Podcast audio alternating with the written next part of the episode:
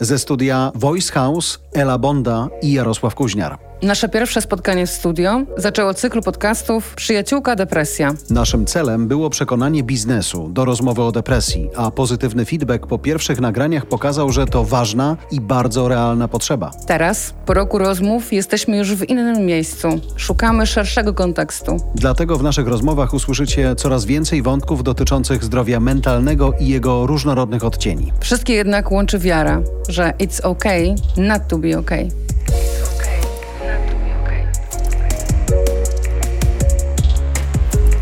Lucyna Kicińska, suicydolożka, terapeutka narracyjna, koordynatorka strefy pomocy w serwisie Życie warte jest rozmowy. Działa także w Polskim Towarzystwie Suicydologicznym. W tym odcinku rozprawiamy się z częścią mitów dotyczących samobójstw.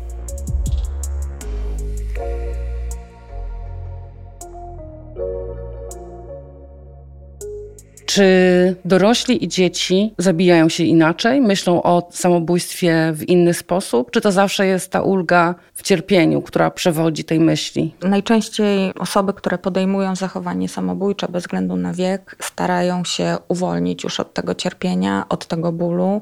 Starają się też często uwolnić swoje otoczenie albo sprawić, żeby otoczenie się nigdy o tym cierpieniu nie dowiedziało, ponieważ dochodzi do takiej kumulacji tego cierpienia, że czy to osoba młoda, czy dorosła, dorosła w pewnym momencie uświadamia sobie, że jeżeli teraz miałaby wyłożyć to wszystko na stół, co przez lata ukrywała, czemu przez lata zaprzeczała też często, no to, że teraz ten system pomocowy, ten system rodzinny tego po prostu nie udźwignie. Więc to są jej takie, problemów, tej tak, jej problemów, tak, że to jest po prostu za dużo, żeby to na kogoś wrzucić. Często jest też związane z takim przeświadczeniem, że sami powinniśmy rozwiązywać swoje problemy, a nie innym zawracać głowę mhm.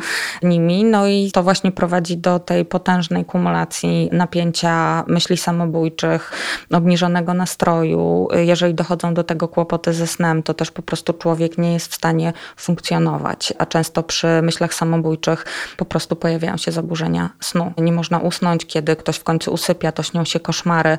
Trochę mówiąc tak metaforycznie, jeżeli my nie mamy naładowanych baterii, no to trudno, żebyśmy robili najpiękniejsze zdjęcia świata i żebyśmy widzieli ten świat w taki sposób, jak widzimy przez najlepszy aparat w komórce, jak ona będzie mhm. nienaładowana, to my niczego nie zrobimy. Niczego nie zobaczymy, to prawda. Tak, a często właśnie ktoś, kto przez swoje problemy, no właśnie nie wysypia się, właściwie się nie odżywia, ponieważ na przykład nie jest w stanie jeść, nie czuje głodu, a potem się na przykład obiada, pojawiają się jeszcze wyrzuty sumienia, jakby fizycznie też nie jest zdolny do mierzenia się ze swoimi problemami.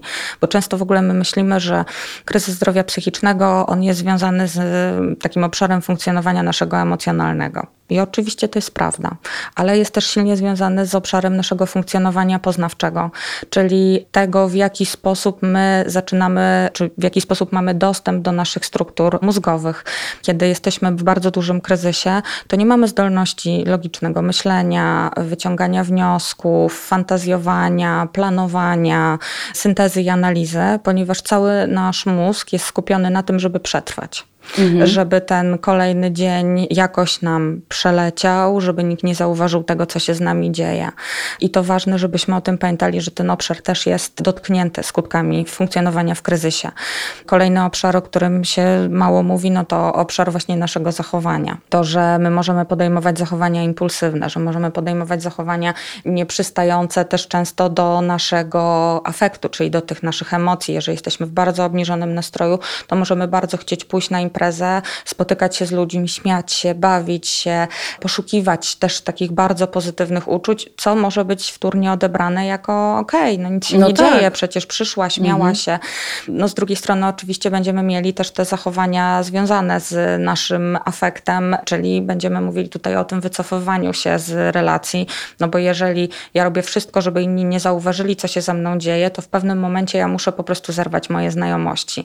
Nie mam siły na to, żeby realizować realizować moje pasje, żeby uczestniczyć w tym życiu, które miałem wcześniej, bo po prostu jestem obarczony tymi emocjami i tymi myślami, że i tak nie mam po co podejmować Mhm. tej aktywności, muszę się schować, nie mogę nikomu pokazać. Znam to z autopsji. Pamiętam siebie siedzącą na kanapie, patrzącą w ścianę z wyłączonym telefonem, zaciągniętymi zasłonami, zamkniętymi drzwiami, nie odbierającą żadnych komunikatorów, tylko po to, żeby nie mieć bodźców i nie mieć kontaktów.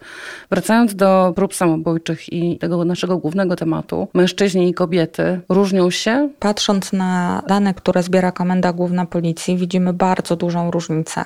Kobiety o wiele częściej podejmują próby samobójcze, mężczyźni podejmują rzadziej, ale samobójstw zakończonych śmiercią wśród mężczyzn jest zdecydowanie więcej niż wśród kobiet. Więc y, można tutaj doszukiwać się trochę wyjaśnienia, co to warunkuje. My generalnie mamy w ogóle większe przyzwolenie na przeżywanie emocji wśród kobiet niż wśród mężczyzn. Kobieta może płakać, kobieta może krzyczeć, może. Chłopaki nie płaczą. Chłopaki oczywiście nie płaczą. I być może część tych prób samobójczych wśród kobiet to jest ten gest rozpaczy, wołania o pomoc. Krzyk. To jest ten krzyk, zwróć na mnie uwagę, pomóż mi. Natomiast wśród mężczyzn prawdopodobnie dochodzi do takiego mechanizmu, no nie mogę pokazywać tych emocji, bo mam być jakiś, mam być silny, mam być sprawczy, mam być kreatywny, mam być samodzielny. I nie będę tego pokazywał. I jedyne, co mi zostaje, to podjęcie próby samobójczej.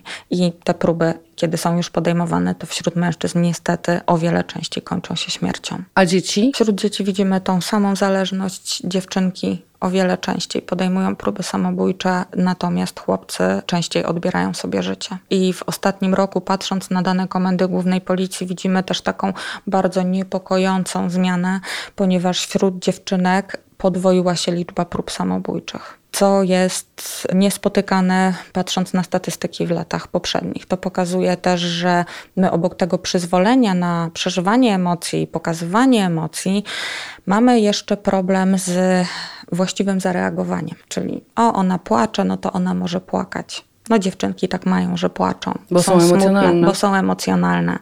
I taka dziewczynka, która manifestuje swój kryzys, płacze, jest smutna, wycofana, mówi, że nic jej się w życiu nie podoba, że sama okropnie wygląda, że wszyscy są fajniejsi i lepsi. Ma na to przyzwolenie, żeby to powiedzieć i to na pewno bardzo ważne, ale bardzo ważna jest też nasza reakcja, czyli żeby nie machnąć ręką, nie pomyśleć, "Mm, Nie dziewczynki tak mają, nie bagatelizować, tylko żeby faktycznie odpowiedzieć.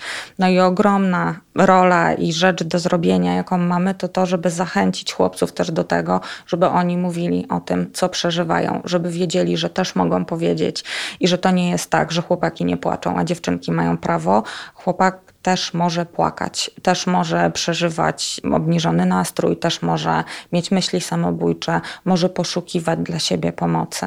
Natomiast wydaje się, że ta tendencja do poszukiwania pomocy wśród chłopców jest niestety o wiele mniejsza niż wśród dziewczynek.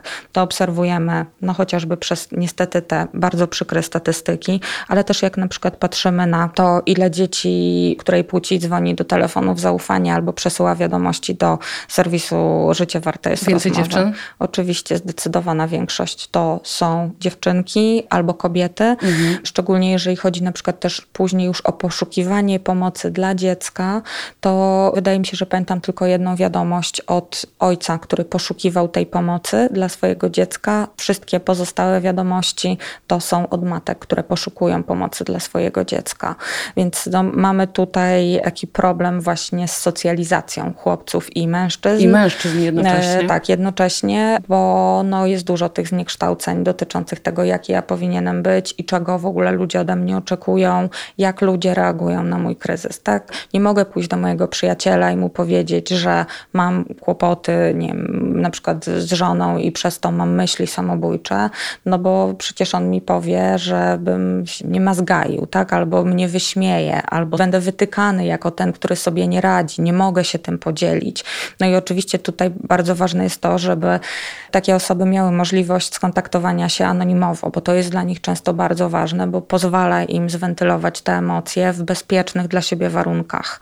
Mimo, że one są bezpieczne, nie ma tam żadnej oceny, wszystko jest na warunkach osoby która do nas pisze albo która dzwoni do telefonu zaufania, to wciąż pojawiają się takie myśli, które ja potem czytam albo które słyszę w telefonie.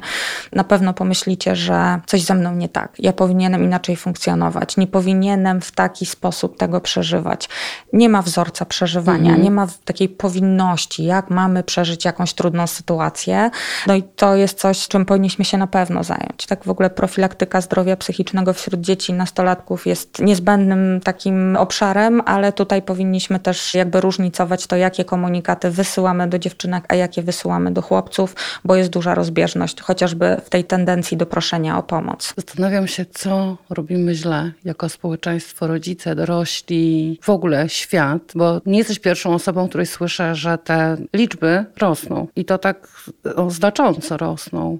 Możemy sobie pewnie tłumaczyć trochę, że nie wiem, pandemia ostatnio, że zamknięcie, to pewnie miało jakiś wpływ, ale czy są jakieś takie czynniki, które już jesteście w stanie wyodrębnić, które wpływają na wzrosty czy zamachów, czy samych samobójstw już? Takie czynniki, które moglibyśmy z tych statystyk policyjnych wyciągać, no niestety nie da się, ponieważ nie mamy rzetelnie prowadzonych tych rejestrów zachowań samobójczych, mimo że zespół do spraw przeciwdziałania depresji i zachowaniom samobójczym dzieci i młodzieży przy Radzie do Spraw Zdrowia Psychicznego Ministerstwa Zdrowia podjął taką uchwałę dotyczącą tworzenia takiego krajowego rejestru. Niestety on nie jest cały czas tworzony, więc te dane, na których my w tej chwili bazujemy, one nie pozwalają na wyciąganie takich wniosków, natomiast możemy sięgnąć do badań, które są prowadzone wśród dzieci, młodzieży i wśród studentów, wśród młodych dorosłych, w których patrzymy, co warunkuje podjęcie próby samobójczej, ponieważ są pytane młode osoby o to, czy mają myśli samobójcze albo czy podejmowały próby samobójcze, a później te odpowiedzi są korelowane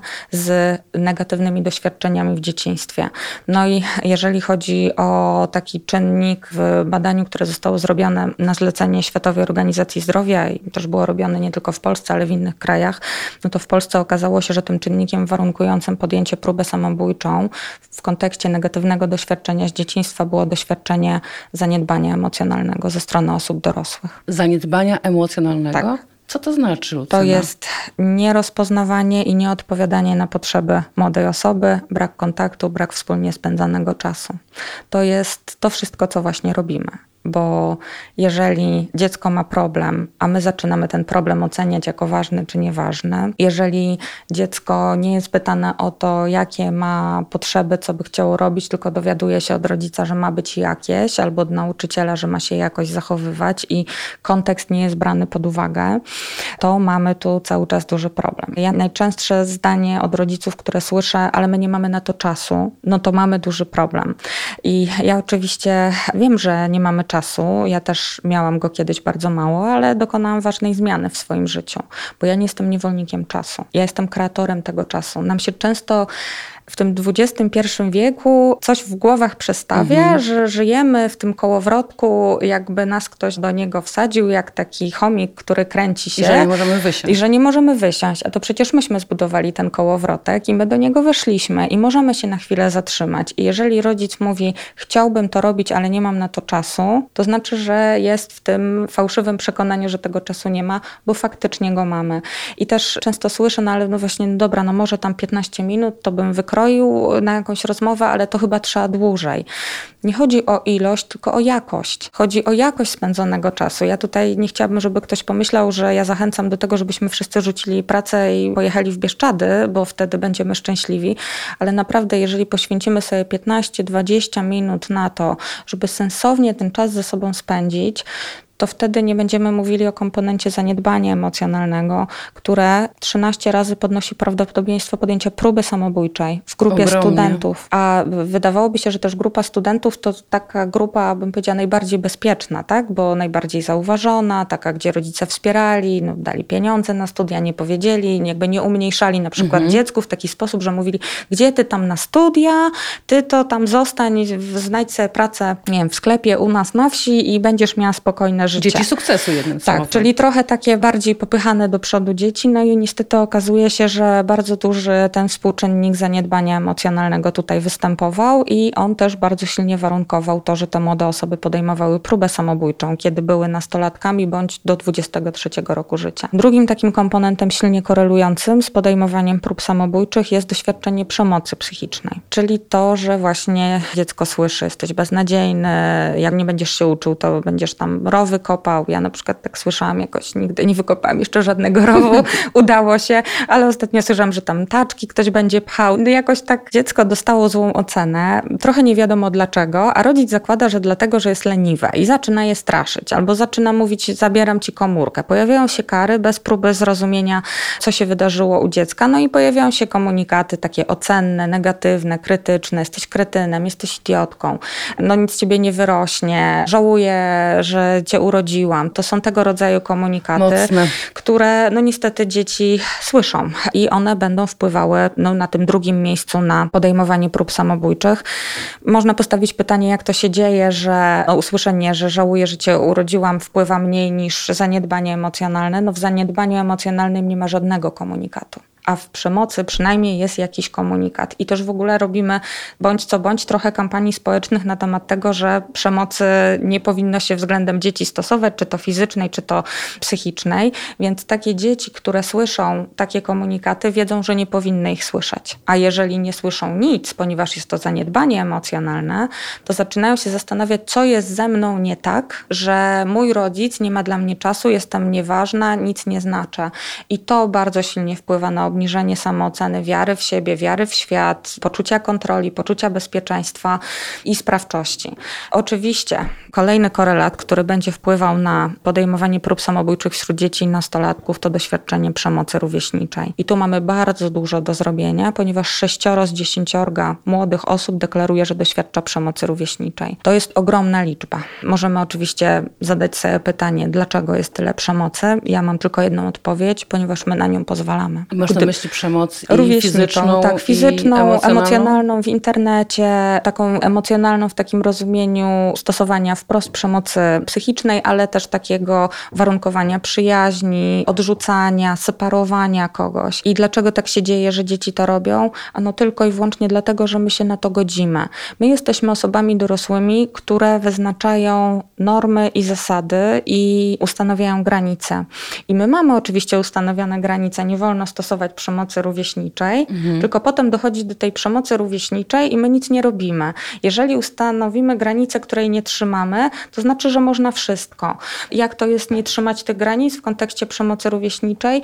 Jeżeli przychodzi dziecko i mówi, nie mogę się dogadać z nimi, oni się ze mnie wyśmiewają, jak ja podchodzę, to odchodzą i dziecko słyszy od rodzica albo od nauczyciela, spróbuj ich ignorować, na pewno im się znudzi, to takie dziecko nie dostaje pomocy. I tak jakby też w ogóle tym komunikatem zaprzeczamy całej naszej wiedzy na temat zjawiska przemocy. Przemoc nie znika wtedy, kiedy udajemy, że jej nie ma, tylko ona wtedy narasta. Trzeba zauważyć jednym Tak, słowem. trzeba ją trzeba zauważyć i postawić te granice, wyciągnąć wnioski z tego, co się wydarzyło, przygotować plany pomocy dla wszystkich dzieci, które są uwikłane w przemoc.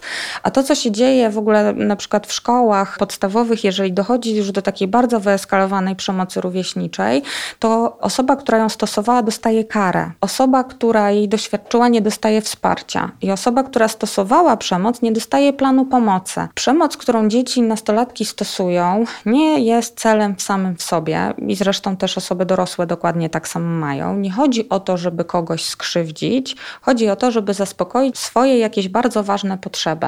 Potrzebę znaczenia, posiadania znajomych, odreagowania swoich trudnych doświadczeń, eksploracji. I taka młoda osoba może po prostu testować granice świata dorosłych, podejmując jakieś zachowania, których nie postrzega jako przemoc, bo skoro dorośli nie reagują, to znaczy, że się na to godzą. Że można. Że można. I ta granica jest tak po prostu kroczek po kroczku przesuwana. No mogę, no przecież nikt nie reaguje.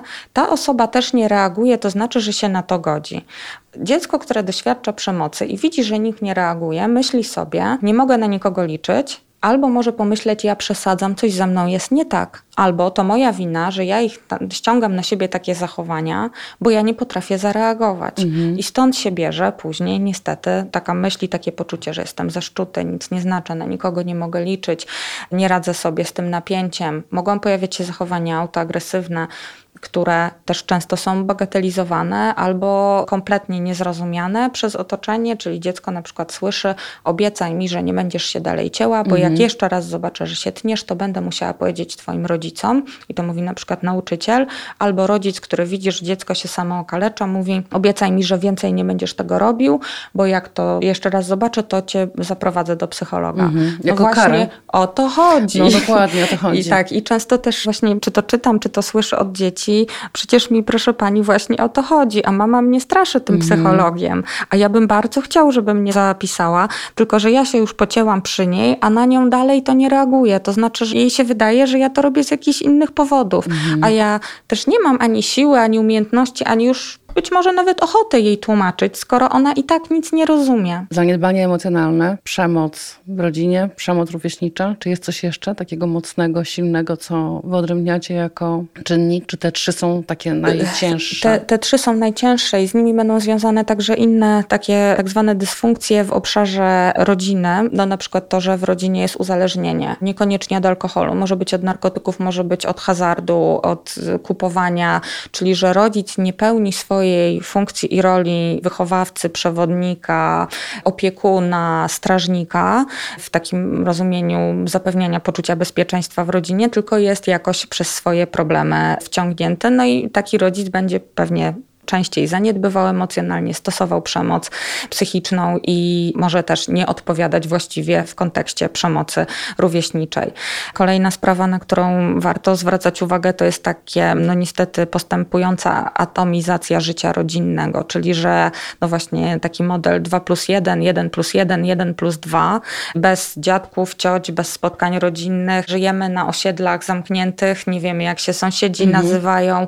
Taki brak tego szerszego kontekstu, bo jeżeli rodzic nie zauważy, bo może nie zauważyć, bo dziecko może też przed nim ukrywać, to ważne jest to, żeby był szerszy kontekst, bo może ktoś inny zauważy, bo nie da się udawać 24 godziny na dobę.